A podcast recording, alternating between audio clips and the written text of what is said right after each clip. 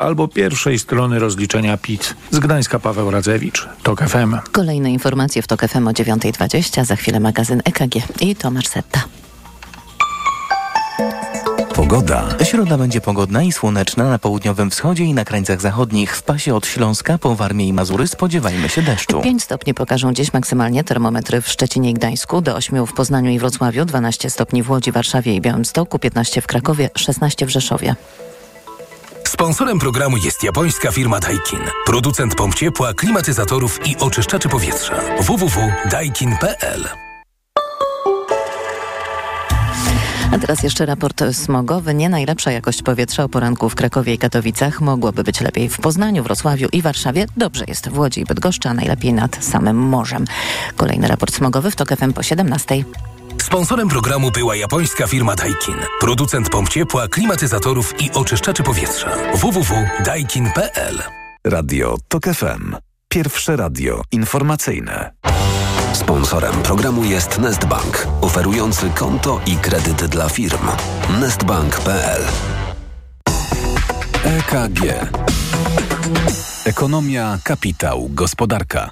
Tomasz Setta, dzień dobry. Pięć minut po dziewiątej zaczynamy magazyn EKG. Razem z nami pierwszy gość Przemysław Gdański, prezes banku BNP Paribas. Witam serdecznie. Dzień witam dobry. Państwa, witam Pana redaktora. Projekt ustawy w sprawie tzw. Tak wakacji kredytowych do dziś, do dziś nie ujrzał światła dziennego. Z punktu widzenia Pana, przedstawiciela sektora bankowego, to informacja dobra czy zła?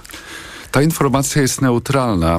Mam wciąż nadzieję, że do przedłużenia wakacji kredytowych nie dojdzie. Przyznam szczerze, że nie jestem w stanie zrozumieć, czemu obecny rząd po zmianie władzy na e, tę, która reprezentuje liberalną demokrację, wciąż trwają dyskusje o stosowaniu instrumentu, który poprzednia władza wprowadziła. To ja panu powiem, chociaż nie jestem zły. rzecznikiem rządu, bo poprzednia władza, czy właściwie ta, która teraz jest, obiecywała, że nic, co jest dane, nie będzie odebrane. Okej, tylko że to samo można zrealizować w inny, dużo bardziej prawidłowy sposób. Mamy Fundusz Wsparcia Kredytobiorców. Banki ochoczo deklarują, że wspólnie złagodzenie warunków, że będziemy ten fundusz zasilać środkami. W nim w dalszym ciągu jest miliard trzysta milionów złotych niewykorzystanych środków pomocowych. Natomiast ja uważam, że powinniśmy raz i na zawsze odejść od formatu typu wakacje, który nigdzie na świecie nie występuje, który jest z gruntu niewłaściwy, który skłania do nadmiernego zadłużania się, który buduje negatywne mechanizmy moralne, jeśli chodzi o dyscyplinę płatniczą.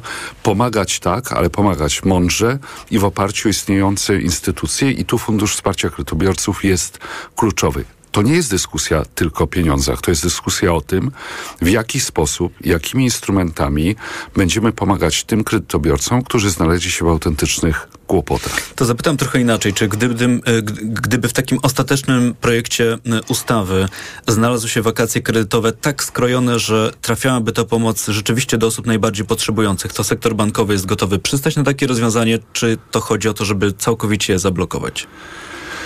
Panie redaktorze, to nie chodzi to o, napisać mi się, o to, żeby przystać czy nie przystać. Tu chodzi głównie o to, żeby odejść od tego formatu, jakim wakacje kredytowe są.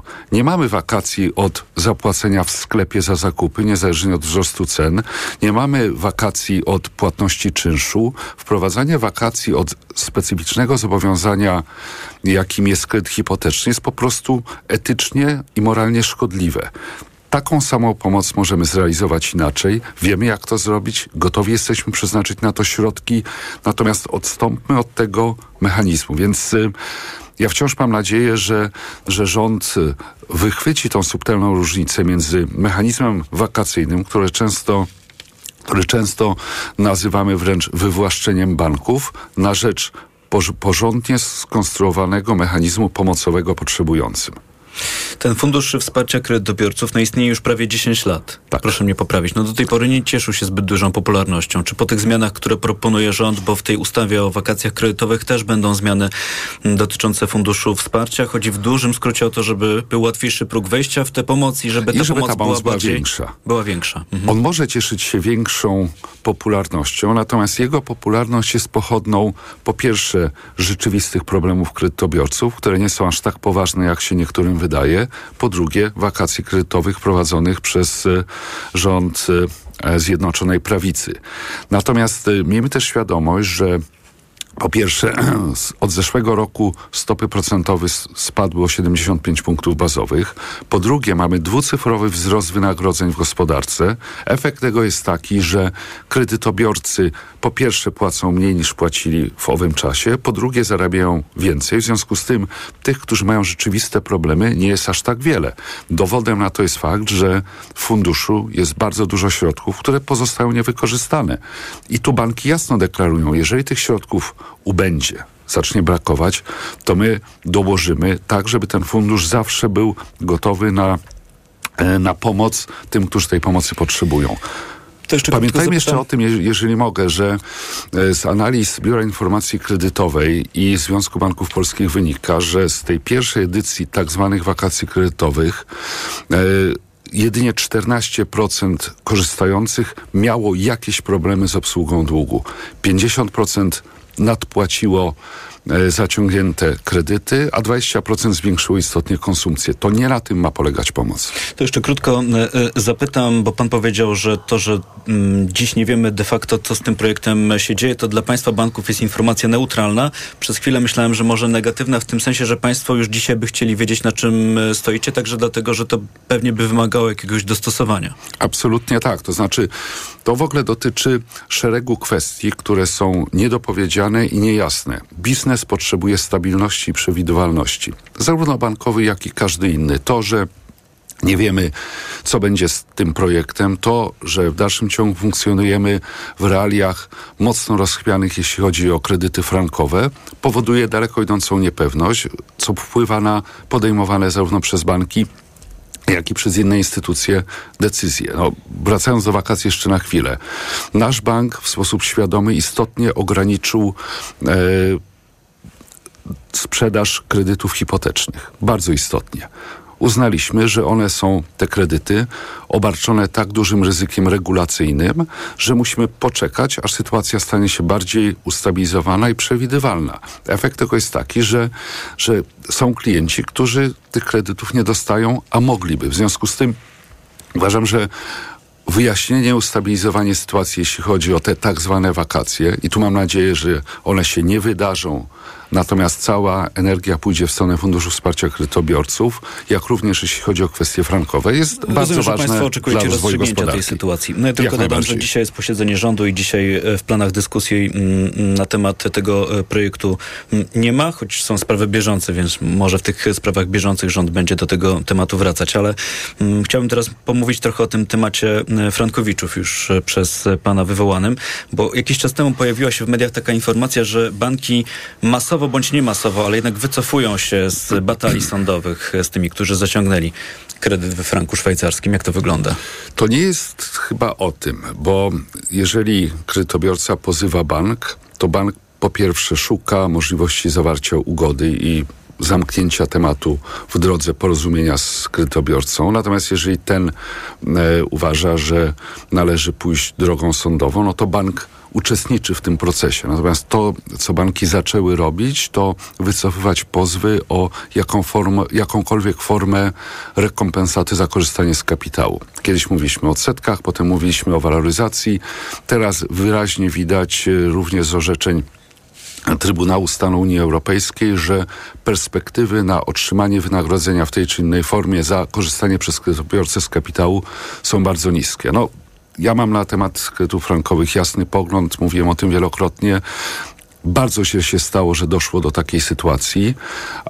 Ona w dalszym ciągu rodzi ogromną niepewność i tu znakomitym rozwiązaniem, żeby przeciąć tę wieloletnią bolesną sagę, byłoby wprowadzenie rozwiązania ustawowego, które określałoby parametry ugodowe Ale właśnie to i skłaniało zapytać. kredytobiorców do tego, żebyśmy, i banki rzecz jasna, żebyśmy zamknęli ten temat raz na zawsze. O to chciałem zapytać, czy w Pana ocenie dzisiaj jest potrzebna, czy w ogóle jest możliwa ustawa, która w jakikolwiek sposób rozwiązywałaby te problemy, bo wiemy, że mamy już całkiem dużą liczbę wyroków Unijnego Trybunału Sprawiedliwości, który wyraźnie stanął po stronie konsumentów. Więc taka ustawa, która by wypaczała treść tych orzeczeń, czy sens tych orzeczeń, mm, nie mogłaby wejść chyba w życie.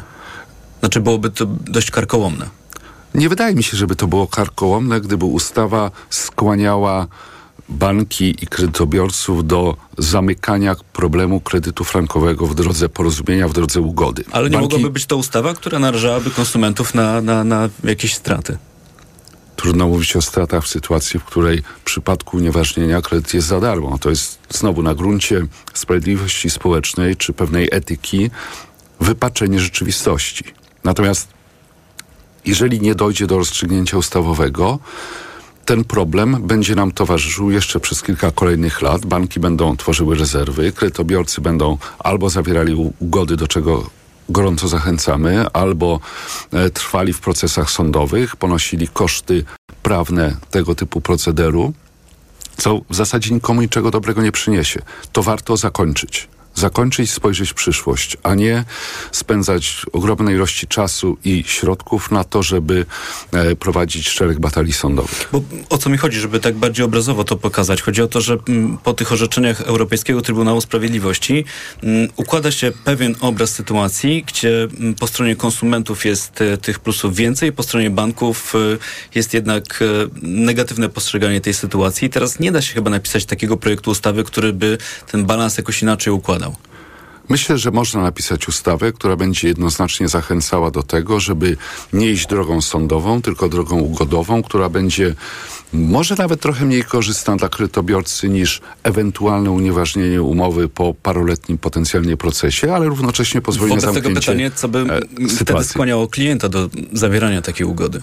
Po pierwsze, kwestie etyczne i taka rzetelność i uczciwość. Po drugie, to, że ugoda może zająć parę dni, ewentualnie tygodni i zamykamy temat. No wydaje mi się, że najważniejszy jest jednak dla wielu osób rachunek ekonomiczny, że to się musi opłacać. A myślę, że brak stresu, szybkie zakończenie tematu, rozsądne rozstrzygnięcia. Ja mam wielu znajomych, którzy mogąc pójść do, pójść do sądu, wybrali rozstrzygnięcia ugodowe, wychodząc z założenia, że sami nie czuli się komfortowo z pozywaniem banku w sytuacji, w której znakomicie rozumieli umowę, którą zawarli, obsługiwali ją przez kilka, kilkanaście lat, a nagle się okazało, że ta umowa jest pełna klauzul abuzywnych i że w zasadzie można próbować ją unieważnić. To nie jest taka oczywista sprawa dla wielu świadomych kredytobiorców. Czyli rozumiem Pana zdaniem ciągle jest jeszcze otwarta droga, żeby mm, rozwiązać ten problem? Jak najbardziej. W, Sektor bardzo doceniłby tego typu podejście. No to na koniec jeszcze jedna sprawa, mm, bo kiedy się otwiera teraz e, media w ciągu tych ostatnich kilku tygodni, to widać duży pesymizm. Wszyscy zastanawiamy się w, nad tym, co wydarzy się także w Polsce w ciągu najbliższych e, kilku lat. Czy z punktu widzenia sektora bankowego też widać te obawy? Domyślam się, panie redaktorze, że pan ma na myśli obawy geopolityczne przede wszystkim. Ja nie jestem ekspertem militarnym w tej kwestii. Oczywiście osobiście jestem zaniepokojony całą sytuacją związaną z inwazją Rosji e, na Ukrainę i Ale z pewnością narracją. sektor bankowy kalkuluje ryzyko. Sektor bankowy kalkuluje ryzyko, ale równocześnie ekonomia, polska gospodarka napawa nas pewnym optymizmem. Spodziewamy się solidnego wzrostu w tym roku, spodziewamy się spadku inflacji, spodziewamy się spadku stóp procentowych.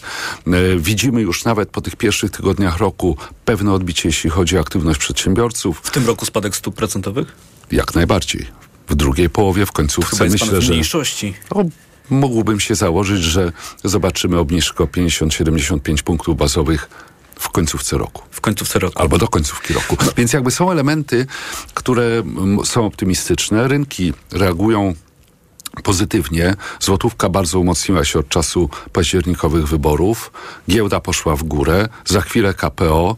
Tu ważny element. KPO Pamiętajmy o tym, że same środki unijne nie pozwolą nam na zrealizowanie inwestycji wymagany będzie wkład własny. Ten wkład własny albo będzie pochodził ze środków własnych przedsiębiorstw, przedsiębiorców, co będzie trudne przy tego typu skali, albo z banków. I tu banki są naprawdę kluczowym elementem gospodarczej infrastruktury kraju, który pozwolić może na to, żebyśmy te środki dobrze wykorzystali, żeby poszła do przodu transformacja energetyczna, poszła digitalizacja, poszła rozbudowa infrastruktury, a to potrzeb mamy bardzo wiele, no a na końcu wisienka na torcie to kwestia zbrojeniowa i rozbudowy polskiego przemysłu zbrojeniowego. To gdybyśmy mieli... Potrzeby są ogromne. W, podsumować jakąś, jakąś naszą rozmowę, bo musimy już kończyć, ale to jest bardzo ważny wątek, który poruszyliśmy, bo w bardzo krótkim czasie będziemy musieli w Polsce wydać mnóstwo pieniędzy na wiele różnych e, celów. Pytanie, czy pańskim zdaniem to jest w ogóle wykonalne? Potrzebujemy silnych, zdrowych banków funkcjonujących w przewidywalnych realiach, które będą gotowe do kredytowania polskiej gospodarki w bardzo dużej skali. Myślę, że dużo z tych rzeczy jest wykonalnych, natomiast znowu e, zapewnijmy tą przewidywalność, odetnijmy te pomysły, które są wybitnie szkodliwe w krótkim i w długim okresie, ustabilizujmy rzeczywistość i myślę, że mamy ogromną gospodarczą szansę przed sobą. Przemysław Gdański, prezes banku BNP Paribas, był pierwszym gościem magazynu EKG. Bardzo dziękuję za rozmowę. Dziękuję bardzo. Jest 9.19, czas na informacje. EKG. Ekonomia, kapitał, gospodarka. Sponsorem programu był Nestbank, oferujący konto i kredyt dla firm. Nestbank.pl 5 minut podróżniczych inspiracji, dzięki którym odkryjesz świat na nowo. Przewodnik TOK FM w podróży. Od poniedziałku do piątku po 16.55. Zaprasza Piotr Balasz.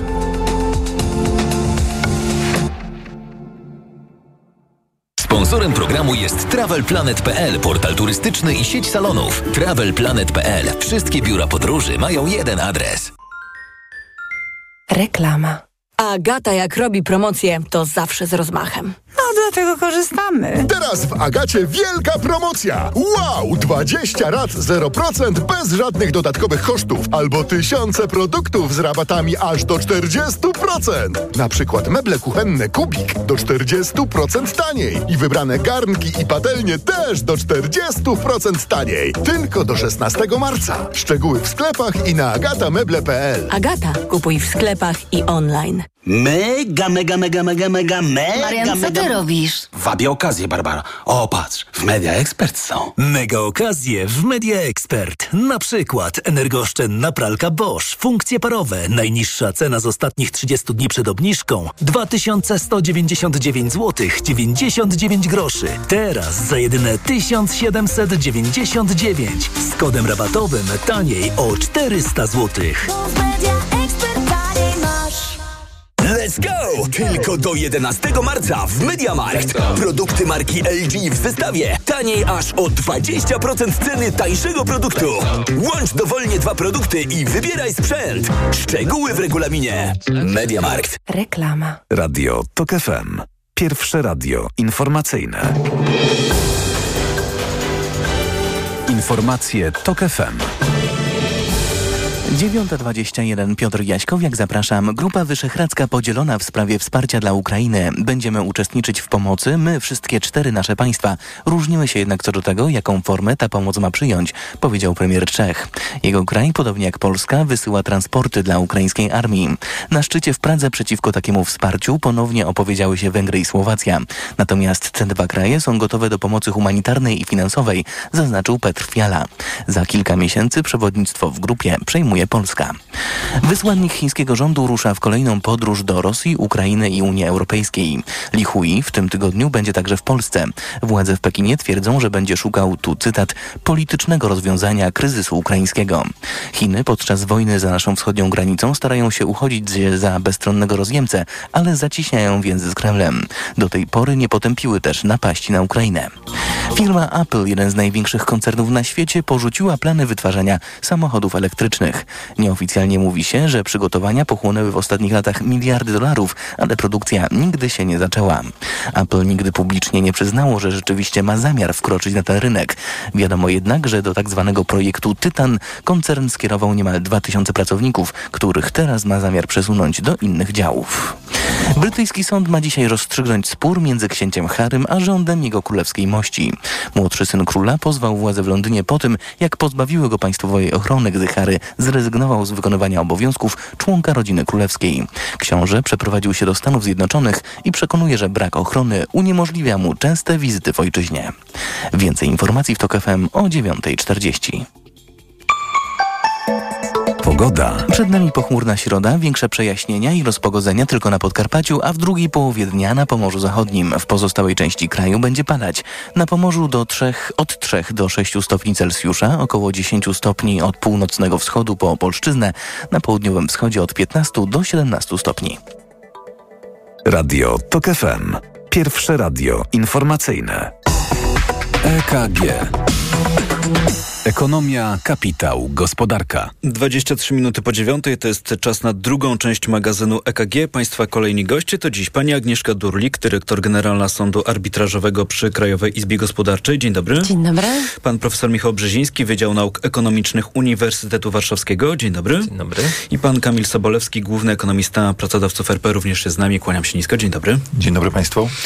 Na początek mam taką propozycję, żeby jeszcze krótko odnieść się do protestu rolników. Wczoraj marsz e, przeszedł ulicami Warszawy. Pytanie, czy po tym, co wczoraj się działo, Państwo są bardziej przekonani do postulatów rolników, bardziej zniechęceni, czy może mają Państwo już wyrobione zdanie i ten protest miał w zasadzie żadnego mm, przełożenia na to, co myślicie o całej sprawie? Pani Agnieszka Durlik. Mm, Wydaje się, że mm, to, czym, nad czym trzeba się pochylić, to jest kwestia powrotu do rozmów, dialogu, do zrozumienia postulatów e, obu stron. Postulaty związane z Zielonym Ładem e, Europejskim e, wydaje mi się, że od dłuższego czasu są tłumaczone nie tylko przez rolników polskich, ale również rolników w Unii Europejskiej i Zielony Ład i jego reguły, czy też założenia, wdrożenia mm, budzą dużo emocji nie tylko po stronie rolników, ale także innych e, osób i obywateli, na przykład posiadaczy samochodów. Tylko Natomiast pytanie, czy te kwestia, tłumaczenia są przekonujące, jest, tak. bo z jednej strony się mówi o tym, że te dość duże wymogi podnoszą koszty produkcji. I to jest jasna sprawa, ale z drugiej strony słyszę też i takie argumenty, że nie będzie żaden europejski zielony ład mówił rolnikom, w jaki Jak sposób prowadzić prowadzić? gospodarkę, bo robią to od dekad czy, setek To lat i wiedzą tego, najlepiej. Tak, to, czy to jest też kwestia I tego, wiem, jak czy my to to, e, jak to jest kwestia komunikacji. przekonuje. To Mhm. z pewnością nie. E, Ciężko jest e, tutaj też zrozumieć różnego typu postulaty związane z połączeniem kwestii Zielonego Ładu i kwestii towarów, płodów rolnych z, e, importowanych, czy też prze, które powinny przyjeżdżać przez Polskę e, e, z Ukrainy. Także tutaj jest dużo e, m, e, wątpliwości. Natomiast wydaje się, że część tych obaw po prostu po stronie rolników należałoby w jakiś sposób zaopiekować. I ta dyskusja po stronie Unii Europejskiej jest, bo mamy jednak zmianę m, tych postulatów, które, czy w sensie tych założeń, które były początkowo.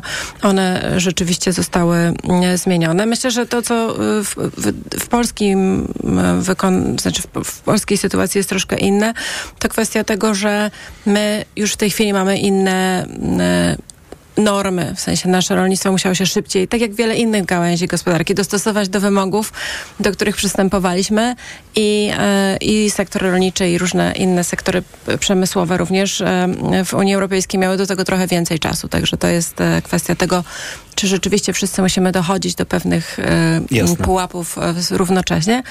No ale czy to zrozumienie jest, to to no, trudno w sposób jednoznaczny określić. To ta dyskusja też trafia na ciekawy moment, no bo wszyscy wiemy, że w czerwcu wybory do Parlamentu Europejskiego, więc dyskusja o kształcie Zielonego Ładu w sumie wydaje mi się, że ten punkt ciężkości przeniesie się z tej obecnej Komisji Europejskiej na przyszłą Komisję Europejską i na przyszły e, Parlament Europejski. Zobaczymy, jak wtedy będzie wyglądać e, układ e, sił w tych instytucjach. Coś dodajemy?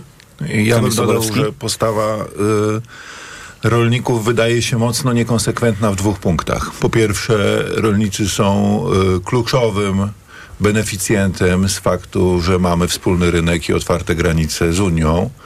I w chwili, kiedy y, pierwszy raz od lat ta otwartość granic w nich uderza, to stanowczo protestują.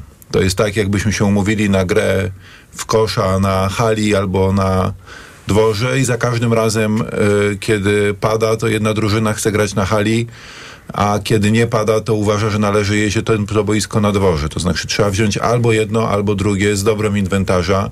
No i niestety teraz jest ten trudny moment z otwarciem granic. Druga niekonsekwencja to jest relacja y, producentów rolnych z odbiorcami produkcji rolnej. Kiedy ceny na rynkach światowych na skutek jakichś szoków y, rosną bardzo mocno, to producenci rolni chcą sprzedawać po tych najwyższych cenach z rynków światowych. Natomiast kiedy spadają, to chcą osłon. Kiedy zaś producenci, y, przetwórcy rolni próbują zaoferować im kontrakty długoterminowe, w których mogliby ustabilizować ceny swojego zbytu i w ten sposób uniewrażliwić się na takie gwałtowne wahania rynku, to to jest odrzucane jako sytuacja, która odcina im górę. A zatem znowu, kiedy ceny są wysokie, rolnicy chcą korzystać, ale kiedy ceny są bardzo niskie i produkcja staje się nieopłacalna, winią za to wszystkich innych, tylko nie siebie, którzy nie podpisali e, kontraktów e, długoterminowych. A zatem, gdybym miał e, w, w jednym zdaniu to podsumować, niekonsekwencja krótkowzroczność. I oczywiście, że duża część win jest po stronie rządu, który mógł działać w chwili, kiedy granice zostały otwarte, a nie w chwili, kiedy mleko się rozlało. Natomiast warto też się w dłuższym terminie zastanowić nad postawą e, samych producentów rolnych. A propos tej konsekwencji, czy jak pan mówi, braku konsekwencji, mm, to jeszcze rzucił mi się wczoraj w oko taki komentarz, to zdaje się Jakub Wiech z Energetyki 24, który zwrócił uwagę na moment, kiedy mm, odbywa się protest przeciwko mm, zielonemu, zielonemu ładowi. To jest końcówka lutego i 17 stopni na termometrach w Polsce. Cieplej zdaje się nawet niż, niż w Hiszpanii.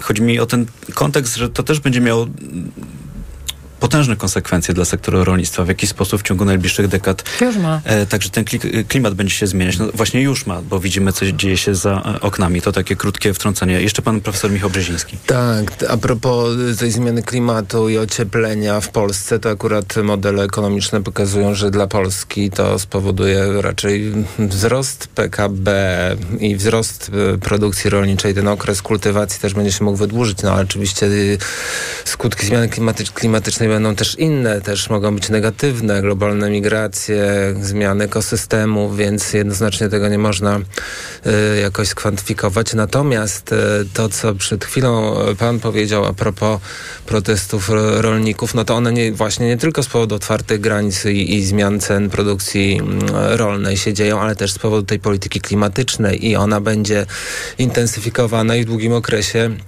te protesty będą też e, występowały nie tylko w Polsce i tutaj y, mm, prawda jest taka, że y, polityka klimatyczna ma poważne koszty dla, dla rolników. Oni to widzą albo się tego boją.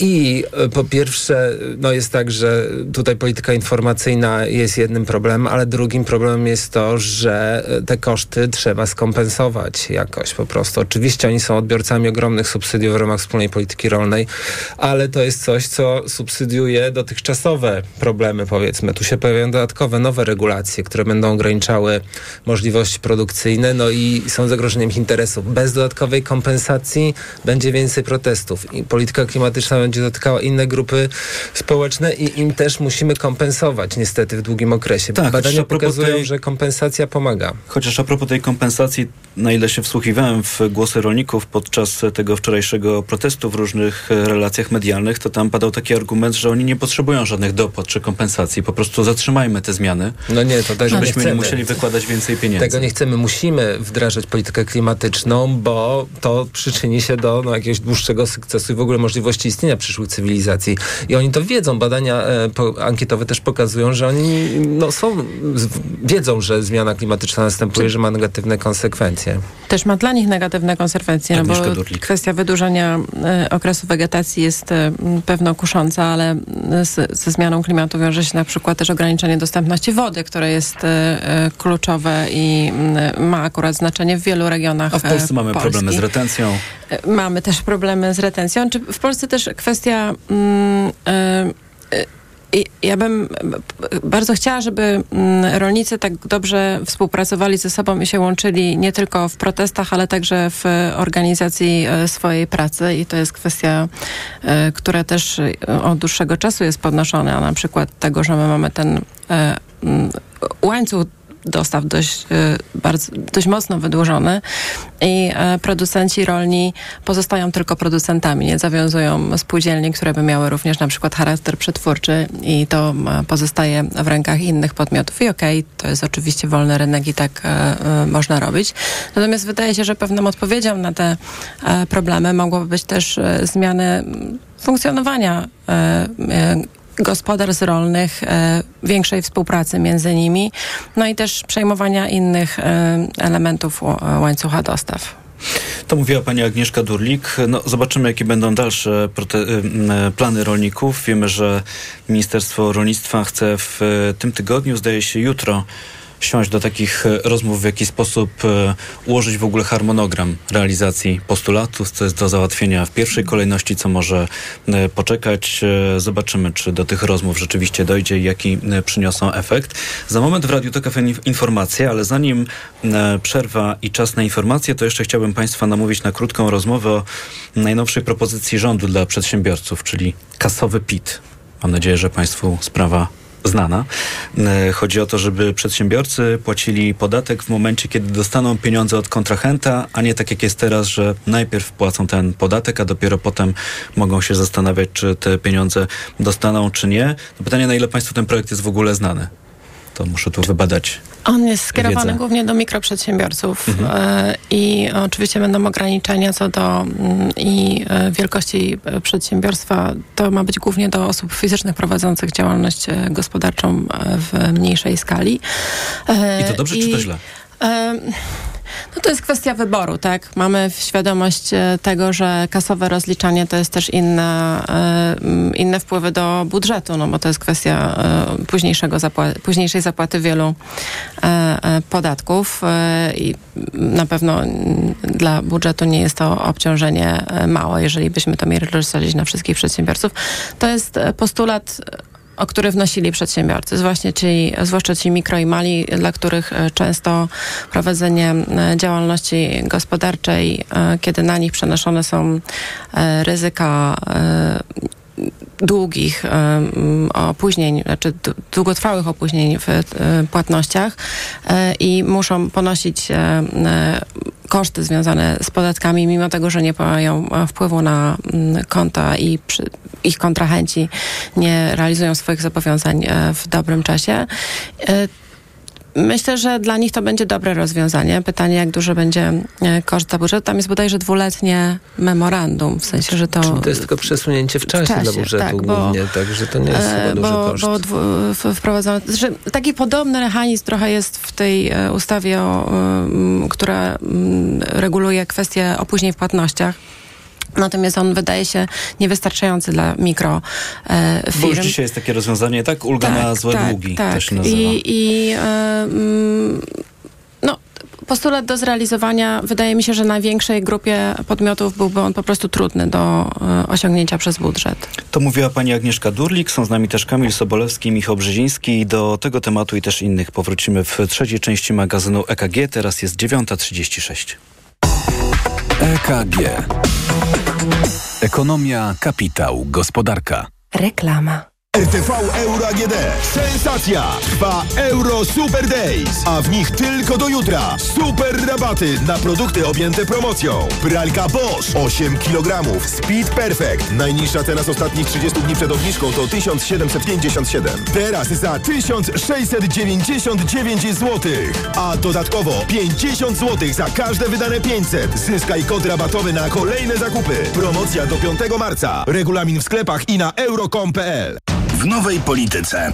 Bunt wsi. O co komu chodzi? A także Rafał Trzaskowski rusza po prezydentury. Prezes się chwieje. Bieda emeryci. Koszałka o Goralenfolk. Gwałt. Prawo na nowo. Spór o suwy. Przeklęte Muzeum Wyklętych. Polityka w kioskach i na polityka.pl. Cześć, Sławek Śrakowski z Krytyki Politycznej. Lubicie mnie albo nie lubicie, ale wiecie, że zawsze walczę. Też wiecie, że zawsze krytyka walczy i to robi tak szeroko, bo kultura i gospodarka i też nowe technologie, świat. Zgadzajcie się albo się nie zgadzajcie, ale wspierajcie nas, bo jesteśmy potrzebni. Przekażcie 1,5% na krytykę polityczną, a my będziemy bardzo wdzięczni. Dziękuję wam, Sławek Śrakowski. Przekaż 1,5% na krytykę polityczną, czyli Stowarzyszenie imienia Stanisława Brzozowskiego, żeby niemożliwe stało się możliwe. Jako dietetyk na wątrobę zawsze polecam Proliver, ponieważ zawiera składniki wspierające właściwą pracę wątroby. Często ze względu na dietę, wiek czy masę ciała zwracam uwagę na poziom cukru we krwi. Wtedy proponuję nowość Proliver Diabeto. Suplement diety Proliver Diabeto dba o wątrobę, a dodatkowo zawiera wysoką dawkę morwy białej, która przyczynia się do utrzymania prawidłowego poziomu cukru. Stosując Proliver Diabeto osiągamy obie te ważne korzyści. Proliver Diabeto, zdrowa wątroba i prawidłowy poziom cukru. Aflofarm. Wyciąg z liści garczocha wspiera utrzymanie zdrowej wątroby.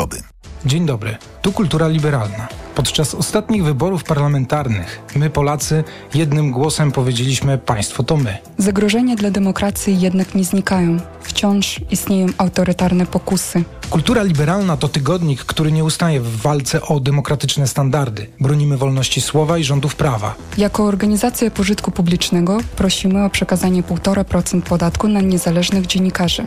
Dziękujemy za Wasze zaufanie. Piotr Kierzun. Natalia Parszczyk. Lubisz ryzyko? Z nami możesz wygrać więcej niż myślisz. Dołącz do nowego programu. Tylko dla mężczyzn. Sprawdź się na ryzykanci.pl. Zapraszam. Zygmunt Heiser. W aptece jest wiele produktów zwalczających objawy menopauzy. To który wybrać? Femitoninę, bo jej składniki wspierają w dzień i w nocy. Branie tabletek na dzień i na noc jest uciążliwe. Ale femitonina to tylko jedna tabletka na dobę stosowana wieczorem. W nocy wyciąg z szyszek chmielu wspiera utrzymanie spokojnego snu, a w dzień wyciąg z czerwonej koniczyny łagodzi uderzenia gorąca. Pewnie dużo kosztuje. Nie, tylko 25 zł za 30 tabletek. Suplement diety Femitonina. Jedna tabletka na objawy menopauzy. Aflofarm. Hej, ludziska każdej maści, mali, wielcy, grubi, ciaśni. Narty to jest piękny sport. Łap za kijki, w górę dłoń. A kiej bystro jeździć chcesz? Do Skitimu wartko leć. Skitimowy zimowy zjazd cenowy. Narty, buty, snowboardy, łodzie, styczko światowych marków w tak maluśkich cenach, co to ich jeszcze ludzkie oko nie widziało. Hej, zimowy Skitim. Na każdą kieszeń. Dzisiek, Dzisiu, Dzisław! No co, co tam, Jutrek? A wiesz, że teraz w Wektrze jest super internet z telewizją już od 59,99? Wiem, a wiesz, że w Wektrze... Wiem, instalacja na jutro albo miesiąc abonamentu gratis. Ech, kujon. Zamów pod 601 601 601 lub na wektra.pl. Wektra. Mówisz? Masz. Materiał nie stanowi oferty. Cena zawiera rabaty, zasady i ograniczenia w regulaminach promocji. Reklama. Radio TOK FM. Pierwsze radio informacyjne. Informacje TOK FM. 9.40 Piotr Jaśkowiak, zapraszam. Rosjanie nadal atakują na wschodzie Ukrainy. Najeźdźcy utrzymują szybkie tempo natarcia, by pójść naprzód, zanim Ukraińcy zorganizują zwartą obronę, ocenia amerykański Instytut Studiów nad Wojną. Rosyjska armia zwolniła po tym, jak w tym miesiącu zajęła Awdijiwkę, miasteczko leżące w pobliżu okupowanego Doniecka, stolicy Zagłębia Węglowego. Teraz jednak Rosjanie idą za ciosem. Ukraińska armia potwierdza, że jej oddziały wycofały się z kilku okolicznych wiosek. Najeźdźcy twierdzą, że na tym odcinku frontu zniszczyli dostarczony przez Amerykanów nowoczesny czołg Abrams. Dotąd Kreml nie chwalił się unieszkodliwieniem wozów tego typu. To są informacje TOK FM. Platforma Obywatelska nie wystawi kandydata na prezydenta Opola. Zamiast tego poprzez sprawującego urząd od dwóch kadencji Arkadiusza Wiśniewskiego. Wczoraj poparły go władze lewicy. Wiśniewski należał w przeszłości do PO, ale odszedł z partii w 2013 roku. Pomnik wdzięczności Armii Radzieckiej w Rzeszowie na razie zostanie tam, gdzie jest. Radni mieli zdecydować o jego przeniesieniu, ale nie doszli do porozumienia. Obecnie pomnik stoi w centrum miasta na placu ofiar getta. Władze chciały go umieścić w pobliżu grobów żołnierzy radzieckich na cmentarzu komunalnym, ale to nie podoba się mieszkańcom okolicy. Część radnych uważa, że przeniesienie to strata pieniędzy, a koszty powinien ponieść Instytut Pamięci Narodowej. Polski zespół siatkarski znów triumfuje w Europie. Projekt Warszawa w wielkim stylu ograł Werowoli Monca i sięgnął po pierwszy w historii klubu Puchar Challenge. Tym samym został czwartym polskim zespołem, który ma na koncie pucharowy triumf. Michał Waszkiewicz. W ostatnich latach trzykrotnie Ligę Mistrzów wygrywała Zaksa Kędzierzyn-Koźle. W latach 70. w Pucharze Europy triumfował Płomień Milowice, a 12 lat temu po Puchar Challenge sięgnął AZS Częstochowa, pokonując Politechnikę Warszawa. Teraz klub ze stolicy, grający już jako projekt, szansy z rąk nie wypuścił. Najpierw wygrał z włoskim Werowolej Monca u siebie 3 do 1, a wczoraj na wyjeździe pokonał pewnie rywali, mówi kapitan zespołu Andrzej Wrona. No myślę, że to jest spełnienie moich e, marzeń, bo jest to olbrzymi, olbrzymi honor i przywilej, olbrzymie szczęście, że akurat razem mogliśmy przejść do, do historii warszawskiej siatkówki i nie tylko. Chrapkę na triumf w Europie ma też Jastrzębski Węgiel, który rok temu grał w finale Ligi Mistrzów. Dziś jednak, by awansować do półfinału, musi pokonać Gaz Sales Daiko Piacenza, bo we Włoszech przegrał 2 do 3. Początek tego meczu o godzinie 18. Michał Waszkiewicz, TOK FM. Ma kolejne wydanie informacji o 10. Pogoda. 5 stopni Celsjusza dzisiaj w Gdańsku i Szczecinie, w Poznaniu i Wrocławiu 8, w Łodzi 11, w Warszawie 12, 15 stopni w Krakowie, a 16 w Rzeszowie. Pochmurno i deszczowo, trochę słońca na Podkarpaciu, a potem także na Pomorzu Zachodnim i tam nie będzie padać. Radio TOK FM. Pierwsze radio informacyjne. Sponsorem programu jest Nestbank, oferujący konto i kredyt dla firm. Nestbank.pl EKG Ekonomia, kapitał, gospodarka. Do godziny 10 jeszcze nieco ponad kwadrans, teraz jest 9.43, a my w Radiu Tok FM wracamy do dyskusji w magazynie EKG. Państwa goście to dziś Agnieszka Durlik, Michał Brzeziński i Kamil Sobolewski. Tuż przed informacjami Radia Tok FM o tym kasowym picie rozmawialiśmy, czyli o najnowszej propozycji Ministerstwa Rządu dla Przedsiębiorców. To jeszcze w głos tej dyskusji pan Kamil Sobolewski. Sama nazwa kasowy PIT sugeruje, że jest to rozwiązanie dla bardzo małych przedsiębiorców, którzy prowadzą jednoosobową działalność gospodarczą i rozliczają dochody firmy w ramach podatków e, osobistych e, od osoby fizycznej. I to jest rozwiązanie bardzo mocno postulowane przez to środowisko. To kolejny, e, kolejna sytuacja, w których rozwiązania procedowane przez rząd nie dotykają w zasadzie środowiska większych firm, Natomiast y, y, z tego samego środowiska małych firm popłynął niedawno bardzo ciekawy sygnał, o którym chciałem wspomnieć. Mianowicie okazało się, że te firmy, które chciałyby korzystać z tego nowego rozwiązania, a jednocześnie mają y, rozliczenia handlowe z dużymi firmami, które nie mogą korzystać z kasowego PIT-u, staną się przez wykorzystanie kasowego PIT-u nieatrakcyjnym partnerem handlowym bo będą powodować, że te podatki będą musiały prefinansować duże firmy. A zatem w dużym stopniu ta korzyść dla małych firm rozegra się albo poprzez opłacenie tych podatków przez duże firmy, albo poprzez rezygnację ze współpracy z firmami, które używają kasowego PIT-u. A zatem rozwiązanie drobnego biznesu chcemy przez chwilę niższych podatków albo takiego kredytu podatkowego dopóki nie będzie wprowadzone na całą gospodarkę, na co się nie zanosi, e, wykreuje również pewnego rodzaju tarcia i e, obniżone korzyści dla samego sektora tych najmniejszych firm. No to, żebym krótko zrozumiał, to co robić w takim razie z tym projektem? Albo kosza, czy, przenieść czy go na wszystkie firmy, albo zastanowić się nad jego racjonalnością. No, ale trochę znaczy, Państwa kwestia... zrozumiałem, że na wszystkie firmy to się niekoniecznie da. To jest kwestia też tego, że nie jest to obligatoryjne rozwiązanie, Dokładnie. więc e, część podmiotów po prostu z niego skorzysta, tych, które na przykład nie kooperują e, z e, dużymi firmami jako dostawcy. Ewentualnie mają taką pozycję, że mogą powiedzmy podjąć to ryzyko, bo dostawca będzie ten towar i tak odbierał i w pewien sposób prefinansowywał, prefinansowywał podatki. Natomiast no tak jak mówię, trudno by było tutaj to, to y, rozszerzenie, rozszerzenia dokonać na tym etapie. Można to w jakiś sposób potraktować jako e, pilotażowe rozwiązanie i w ogóle sprawdzić, czy jest e, chęć jego zastosowania. Rozwiązanie dla małego grona e, małych firm, które nie mają relacji handlowych z dużym, z dużym biznesem. To mówił pan Kamil Sobolewski, wcześniej pani Agnieszka Durlik. No zobaczymy, czy Ministerstwo Finansów weźmie sobie do serca te uwagi. Z tego, co czytamy, rząd chce odpowiedni projekt przepisów w tej sprawie przyjąć w drugim kwartale tego roku, czyli już za chwilę. EKG. Nieco prędzej zdziwienia w magazynie EKG i pan profesor Michał Brzeziński. Na początek, co pana dziwi? Trochę mnie dziwi e, mm, problem czy propozycja renty wdowiej, e, którą forsuje Lewica. Wczoraj ukazał się raport na jej temat przygotowany przez e, ośrodek CNEA zespół profesora Michała Mycka i jego właśnie współpracowników, który pokazuje, że szacowane koszty tego projektu no, są dosyć duże.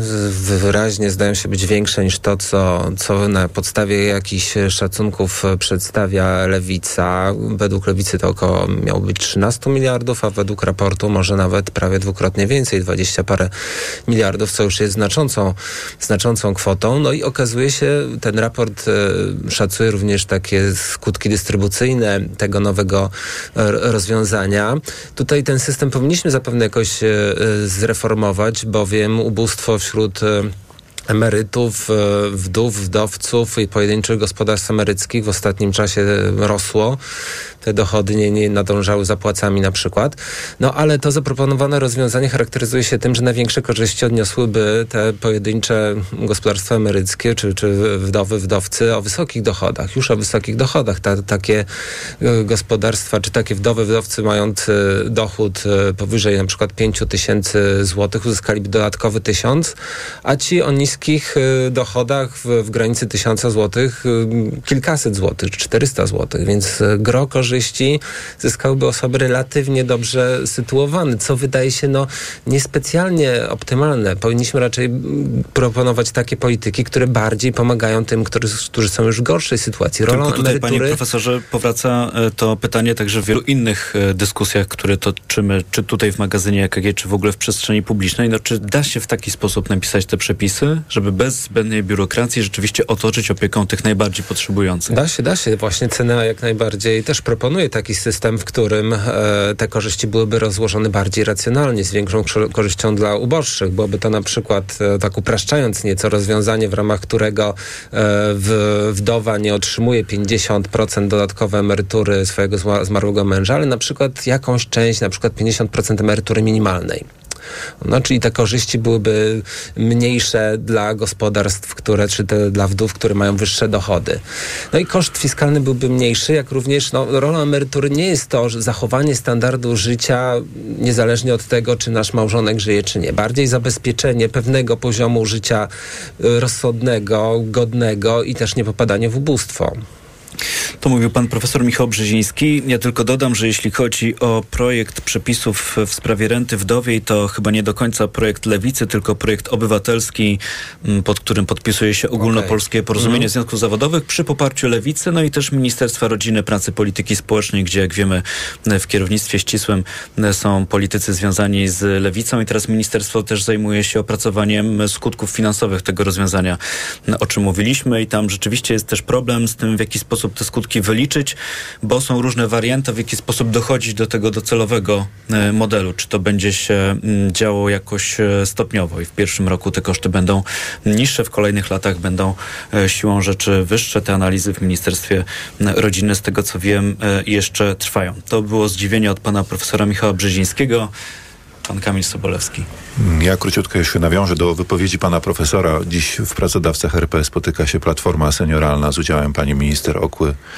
Rewnowicz, na której będziemy rozmawiali o tych kwestiach. Raport w tej sprawie popełnił również e, Antoni Kołek, doradca, Kolek, doradca mm, prezesa pracodawców RP, który wskazał, e, jak bardzo i może, że za bardzo na świadczeniach pieniężnych cały system polega i znowu Zmierzamy teraz do mojego zdziwienia. Zdziwienie to jest krótkowzroczność. Również w systemie emerytalnym krótkowzroczność dominuje. Zastanawiamy się, jak łatać e, deficyty finansowe osób, które przez całe życie nie odłożyły dość, żeby teraz mieć godną emeryturę. Zamiast Ale to musi się pan doprecyzować, czyja krótkowzroczność? E, dość, dość krótkowzroczność polityk rząd, rządowych, mhm. które nie zmierzają do tego, żeby wszyscy, którzy mogą sobie na to pozwolić, byli aktywni zawodowo tylko szukają rozwiązań w chwili, kiedy te osoby wchodzą już w wiek emerytalny. Te rozwiązywanie problemów w systemie emerytalnym trzeba zacząć w momencie, kiedy osoba ma lat 20,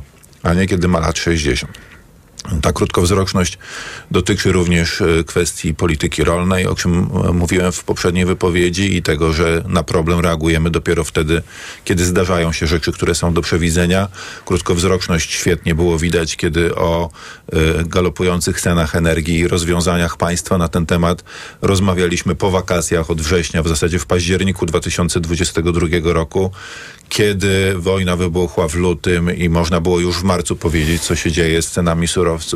A zatem y, gdzieś mój apel taki w ramach tego zdziwienia, zacznijmy myśleć nie tylko o rzeczach pilnych, ale również o rzeczach ważnych, ponieważ te rzeczy ważne, którymi się dzisiaj nie zajmiemy, za pół roku staną się rzeczami pilnymi, które będą miały poważne konsekwencje Czyli chce polityczne. Pan powiedzieć jak w szachach, tak? Te parę kroków do przodu, parę ruchów do przodu. Najlepsi rozumują siedem do przodu, my zacznijmy od dwóch. Jedna rzecz, która się właśnie pojawiła przed chwilą w wypowiedzi, że to nie jest kwestia tylko Agnieszka transferu. E, finansowego, jeżeli chodzi o ubóstwo um, gospodarstw domowych um, emerytów podczas emerytury, to jest też kwestia dostępności do usług publicznych. I ja myślę, że tutaj kwestia rozwiązania i opieki w ogóle nad osobami starszymi, jakiegoś wsparcia bardziej powiedzmy rzeczowego nawet niż tylko i wyłącznie finansowego, ale także na przykład dostępność do systemu opieki zdrowotnej, która jej e, ulepszenie i usprawnienie tych usług na pewno dałaby nam długotrwałe efekty i rozwiązałaby problem systemowo, a nie punktowo, tak jak mamy teraz analizy dotyczące tego, gdzie, jaki transfer ma się pojawić, żeby e, te osoby funkcjonowały w godnych warunkach. Znaczy, to są takie rozwiązania uzupełniające, prawda? Nie możemy też dopuścić do, do wzrostu ubóstwa materialnego, finansowego, prawda? Usług jak najbardziej, ale, ale ten system... Ale właśnie powinniśmy mówić o systemie, a nie tak, tylko system o... finansowy, system usług, prawda, są naczynia połączone i tutaj trzeba by tego równolegle. No i w związku z tym też trzeba efektywniej rozdysponowywać te ograniczone zasoby, jak najbardziej. Natomiast jedno tylko zdanie a propos krótkowzroczności, no to jest tak, że politycy sami z siebie nie mogą być dalekowzroczni, Mają prawda? lata. Wyborcy są tacy, jacy są. No, w Polsce nie zagłosują na te rozwiązania długookresowe, albo zagłosują na te, którzy je odwracają, więc no nie da się, prawda, za bardzo tutaj Trochę pan postępu. Profesor uprzedził moje pytanie, bo zastanawiałem się, do kogo jest ten apel skierowany. Czy do klasy politycznej, już tak myślę szeroko, nie tylko do aktualnie rządzących, tylko generalnie do wszystkich, czy jednak do nas wyborców, żeby wymuszać pewnego rodzaju działania? na politykach, żeby ta presja oddolna jakoś przekonywała polityków, że okej, okay, może i wy myślicie o kadencji, ale my myślimy w trochę dalszej perspektywie. Myślę, że ten apel skierowany jest do całej społeczności w krajach demokratycznych ponieważ ale to jeżeli będziemy dalej tak robić w krajach demokratycznych, bo to jest specyfika nie tylko Polska. Widzimy, co się dzieje z życiem politycznym w Austrii, na Słowacji, w Wielkiej Brytanii czy w Stanach Zjednoczonych. Jeśli dalej będziemy działać tak krótkowzrocznie, to reżimy totalitarne, które nie mają problemu z następstwem władzy i y, z koniecznością planowania do najbliższych wyborów, zjedzą nas z kosteczkami. To tak bardzo pesymistycznie, to spróbujmy na koniec magazynu EKG w jakieś inne rejony e, dotrzeć. Pani Agnieszka Durlik jeszcze może. Ja mam e, taką ciekawostkę. Mm, długo trwała batalia e, przedsiębiorców prowadzących działalność gospodarczą w postaci spółek ZO. E, i kwestii tego, czy udziałowcy tych spółek e, większościowi są, e, powinni być obciążeni ubezpieczeniem ZUS-em tak zwanym. I Sąd Najwyższy jednoznacznie zdefiniował, iż jeżeli spółka ma przynajmniej dwóch udziałowców, nieważne w jakiej wysokości mają oni udziały, to jest to spółka nie jednoosobowa, tylko dwuosobowa i tych obciążeń ponosić nie trzeba. Także tak informacyjnie, nie wiem, dla części pewno jest to dobra informacja, dla części mniej. A tak, żebym dobrze zrozumiał, czemu to jest ważne, czy, czy czemu o tym e, Bo wtedy, mówimy. jeżeli jest e, dwu, jeżeli spółka ZO jest e, więcej niż jednoosobowa, to jej udziałowcy nie muszą ponosić kosztów ubezpieczeń społecznych tej działalności. No dobrze. Tym zdziwieniem kończymy magazyn EKG. E, zanim Państwa pożegnam, to jeszcze zabiorę Państwa na giełdę papierów wartościowych w Warszawie. W tej chwili Indeks szerokiego rynku WIG traci 39% w dół i WIG20 także e, pod kreską w tej chwili mm, minus 72%, a na rynku walutowym euro po 4,31, dolar kosztuje dziś 3,99 zł groszy, funt po 5 zł i 4 grosze i frank szwajcarski, za którego trzeba dziś zapłacić 4,52. Agnieszka Durlik, sąd arbitrażowy przy Krajowej Izbie Gospodarczej. Bardzo dziękuję. Dziękuję. Profesor Michał Brzeziński, Uniwersytet Warszawski, również dziękuję. Dziękuję. I pan Kamil Sobolewski, pracodawca RP, również był z nami. Wielkie dzięki. Dziękuję uprzejmie. Jest 9.56, za moment o godzinie 10 w Radiu Tok FM informacja, tuż po nich audycja OFF, Czarek i Cezary Łasiczka, Tomasz Setta. Dobrego dnia Państwu życzę i do usłyszenia. EKG. Ekonomia, kapitał, gospodarka. Sponsorem programu był Nestbank, oferujący konto i kredyt dla firm. Nestbank.pl Wszystko, co miałem do powiedzenia w objętej przesłaniem sprawie, zawarłem w swobodnej fazie swojej wypowiedzi. Czy zna pan raport NIK-u dotyczący organizacji wyborów kopertowych? Odpowiedź na to pytanie zawarłem w swobodnej wypowiedzi objętej przesłaniem sprawy. Uważam za mm, głęboko niesprawiedliwe zarzut ze strony pana przewodniczącego, iż nie chcę w tej sprawie e, nic powiedzieć, ponieważ wszystko, co miałem do powiedzenia w tej sprawie, zawarłem w swobodnej części swojej wypowiedzi. Radio TOK FM. Pierwsze radio informacyjne. Posłuchaj, aby zrozumieć. Przewodnik TOK FM. Na zdrowie. Słuchaj od poniedziałku do piątku po 14.30. Do usłyszenia. Ewa Podolska. Reklama. Przygotuj się na spotkanie z samochodem, który zmienia zasady gry. Wyśnionym ideałem, absolutną perfekcją, kreującą trendy ikoną designu. Odkryj nową Toyotę CHR w specjalnej ofercie premierowej. Tylko w salonach Toyoty. Tylko podczas dni otwartych od 26 lutego do 2 marca. Przyjdź i przekonaj się, że niemożliwe to dopiero początek. Mam tu mój własny symbol demokracji wieczne pióro. Pisząc słyszę siebie, swój głos, bez presji z zewnątrz. I chciałabym, by wszystkie kobiety mogły same pisać historię swojego życia. Podpisuję się tym moim piórem pod działaniami Fundacji Batorego, bo wspiera prawo kobiet do decydowania o sobie. Wspieraj z nami demokrację i równe prawa w Polsce. Przekaż 1,5% podatku Fundacji Batorego. Weronika Humaj. Numer KRS znajdziesz na stronie www.1%batory.org.pl Z małą cenką w Auchan dźwigniesz więcej. Ciasto francuskie Auchan 3,79 za opakowanie 275 gramów. Cena sprzed pierwszego zastosowania obniżki to 4,49. Oferta ważna od 29 lutego do 6 marca. Szczegóły na oszą.pl W aptece jest wiele produktów zwalczających objawy menopauzy. To który wybrać? Femitoninę, bo jej składniki wspierają w dzień i w nocy. Branie tabletek na dzień i na noc jest uciążliwe. Ale femitonina to tylko jedna tabletka na dobę stosowana wieczorem. W nocy wyciąg z szyszek chmielu wspiera utrzymanie spokojnego snu, a w dzień wyciąg z czerwonej koniczyny łagodzi uderzenia gorąca. Pewnie dużo kosztuje. Nie, tylko 25 zł za 30 tabletek. Suplement diety Femitonina. Jedna tabletka na objawy menopauzy. Aflofarm. Reklama. Radio TOK FM. Pierwsze radio informacyjne.